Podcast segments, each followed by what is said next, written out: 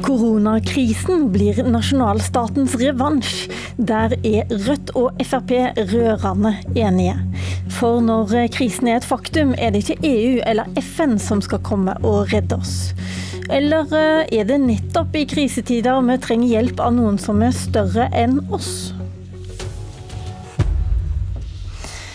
Ja, vi kan begynne med deg i Stavanger, der du er bystyremedlem. Mimir Kristiansson, du slår fast på din Facebook-hjemmeside at koronakrisen den blir nasjonalstatens revansj. Er det en slags drømmetenking, eller eh, hva er det du eh, legger til grunn for en sånn analyse?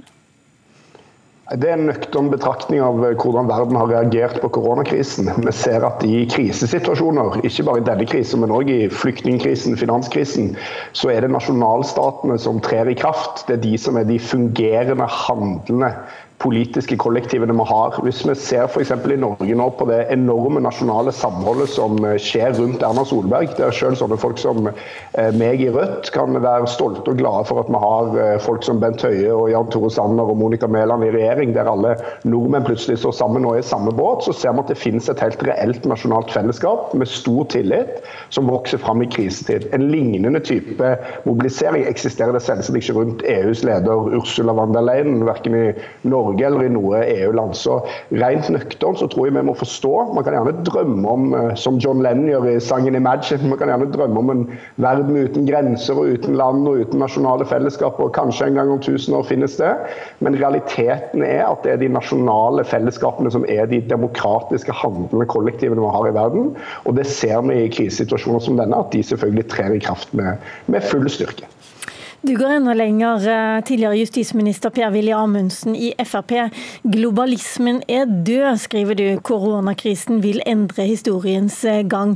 Hva er det med denne smitten som får deg til å tro at vi skal vende blikket mer innover nå?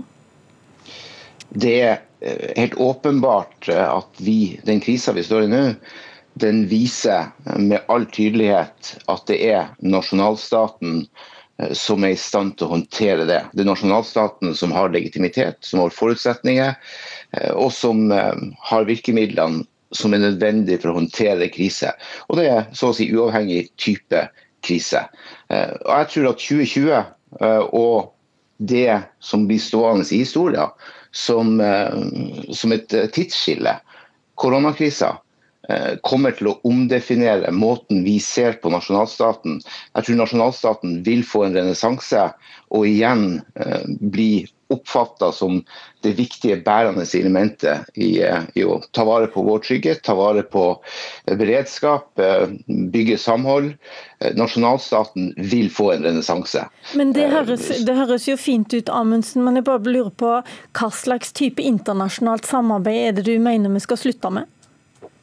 Altså, selvfølgelig så vil enhver nasjon eh, være avhengig av å forholde seg til verden omkring seg. og Man må selvfølgelig også handle med hverandre. Jeg representerer et parti som er for at vi skal, eh, skal drive utstrakt handel.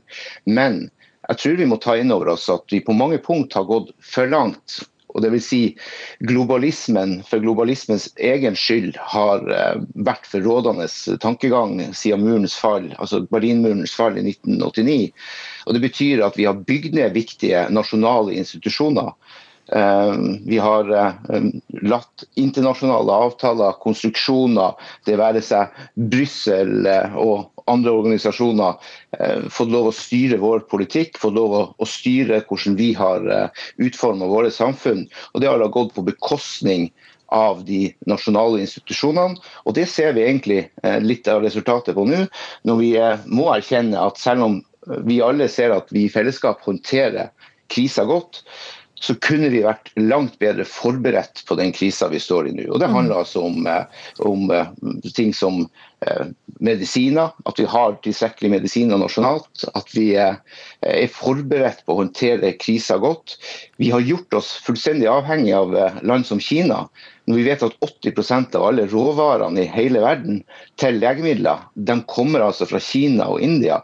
Og da forstår vi at vi må, ikke, altså vi kan, vi må ha kortere leveringslinje på viktige typer eh, medisiner. Vi okay. må ha bedre forutsetninger for å kunne håndtere krise. Jeg skjønner. Eh, jeg er sikker på at eh, Heidi Nordby Lunde, som er stortingsrepresentant for Høyre, var stolt og kry av at en rødt representant eh, er veldig stolt av, av, regjeringens medlemmer. Men som leder i Europabevegelsen, Heidi Nordby Lunde, så kan kanskje du få svare oss på hvor var EU egentlig da pandemien kom, Europa stengte grensene og EU-landene begynte å slåss med hverandre om medisiner og munnbind? Ja, det er klart Jeg er glad for at Mimir Kristiansson er stolt og glad av regjeringen og syns at de har gjort en god jobb, men jeg syns at begge debattantene her prøver å skape en falsk motsetning mellom sterke nasjonalstater og internasjonalt forpliktende samarbeid. For det er jo slik at Selv om vi deltar i Nato som forsvarsallianse, så forutsetter det, jo, det jo at vi har robuste egne kapasiteter innen forsvar. og Sånn er det jo også med annen type internasjonalt samarbeid. EU er jo tuftet på prinsippet om suverene, sterke stater som tar eget nasjonalt ansvar. Og så har du i tillegg en overnasjonal dimensjon. Men så er jeg enig med det du, du forsøker å kritisere her, eller komme på banen med, er at eh, det tok litt tid før EU kom virkelig på, på banen, da vi så koronakrisen eh, treffe bl.a. Italia. og Det har de også fått kritikk for.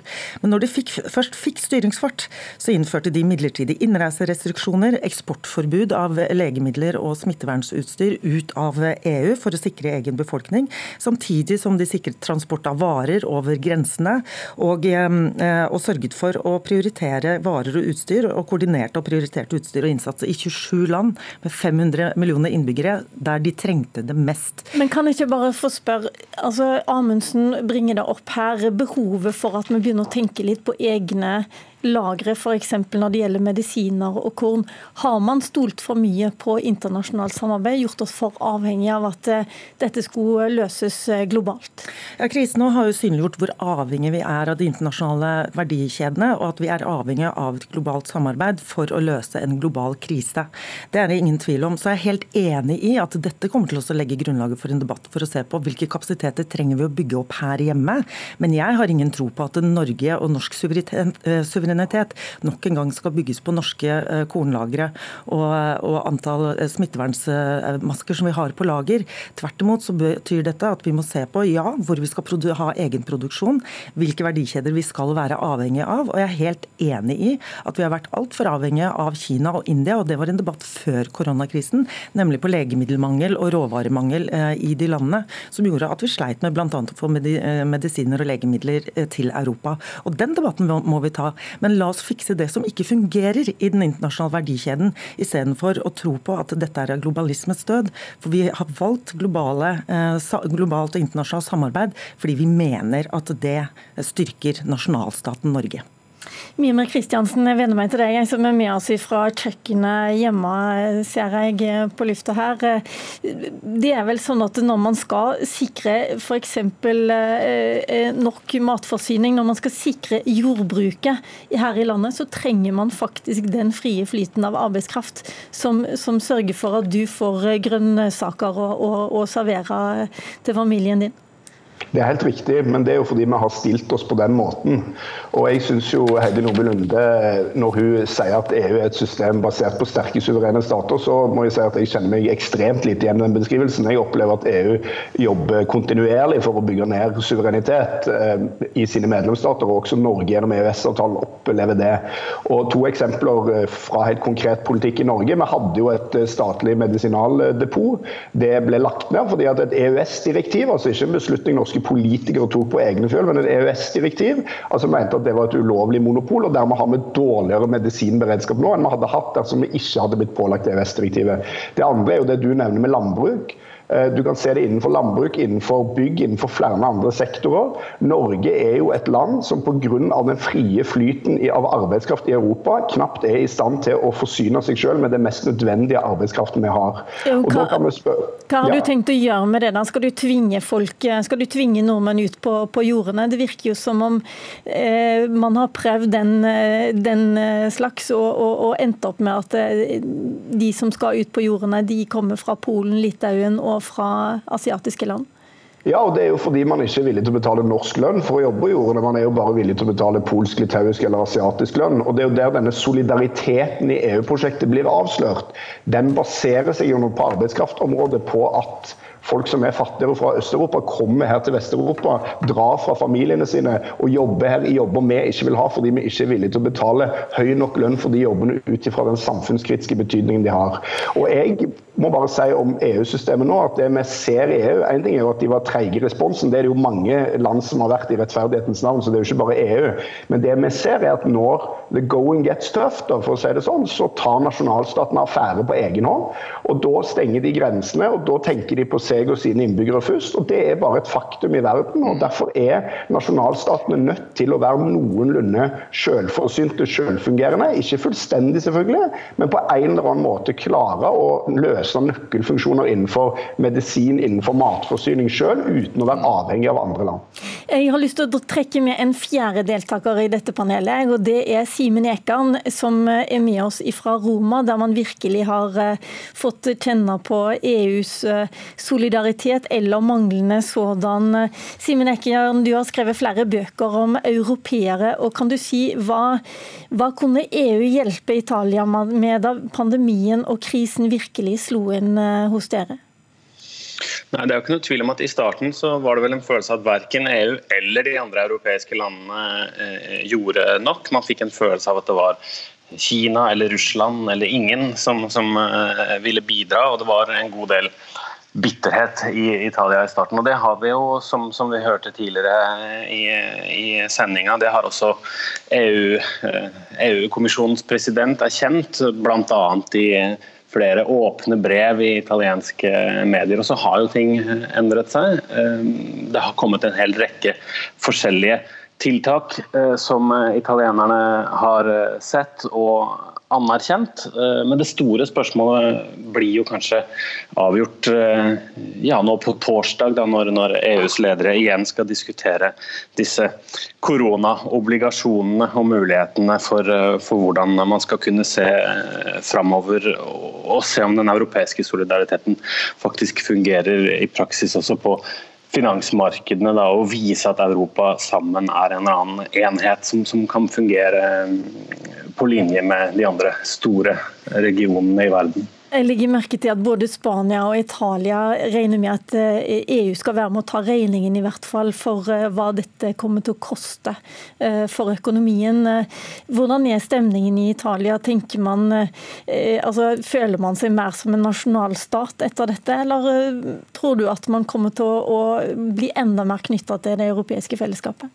Jeg tror det er veldig både og, og det ser vi jo altså politikere som Matteo Salvini, som lenge har, har, har basert sitt politiske virke på å være mot EU, eh, bruker jo dette eh, for det det har vært, mens andre politikere og velgere ser at nettopp denne situasjonen viser at nasjonalstaten kanskje Eh, ikke er tilstrekkelig. og Det man faktisk nå trenger, er, er et enda mer sammensveiset og mer solidarisk Europa. Vi ser det jo på noen områder der det er lettere å se, f.eks. når det gjelder forskning på vaksine, som, som, alle er opptatt av. Ikke sant? Man kan si at nasjonalstaten eh, slår tilbake, men, men, men, hvis vi ser på, på, på, forskningen, så er jo det også et resultat av mange års europeisk samarbeid. Altså nå kanskje kan komme en vaksine fra et italiensk sykehus i samarbeid med eh, universiteter eh, i, eh, i, andre land. Så, så nasjonalstaten er jo veldig god på å stenge grensene, det er jo ganske sant. Men, men, vi ser også at fagpersoner hele tiden har hevdet at det kanskje ikke var så hensiktsmessig. Det samme ser man jo nå i USA, når, når Donald Trump stenger grensene for innvandring eh, igjen for andre gang i krisen. Så, så, er det jo ikke gitt at det er det som teller, og at nasjonalstaten egentlig er så, så dyktig som dens forsvarere hevder i denne pandemisaken. Helt til slutt, eh, Per-Willy Amundsen. Eh, når vi ser den store utfordringen det er bare med å skaffe nok eh, medisiner, hvordan skal et lite land som Norge klare seg uten et forpliktende internasjonalt samarbeid i denne kampen om,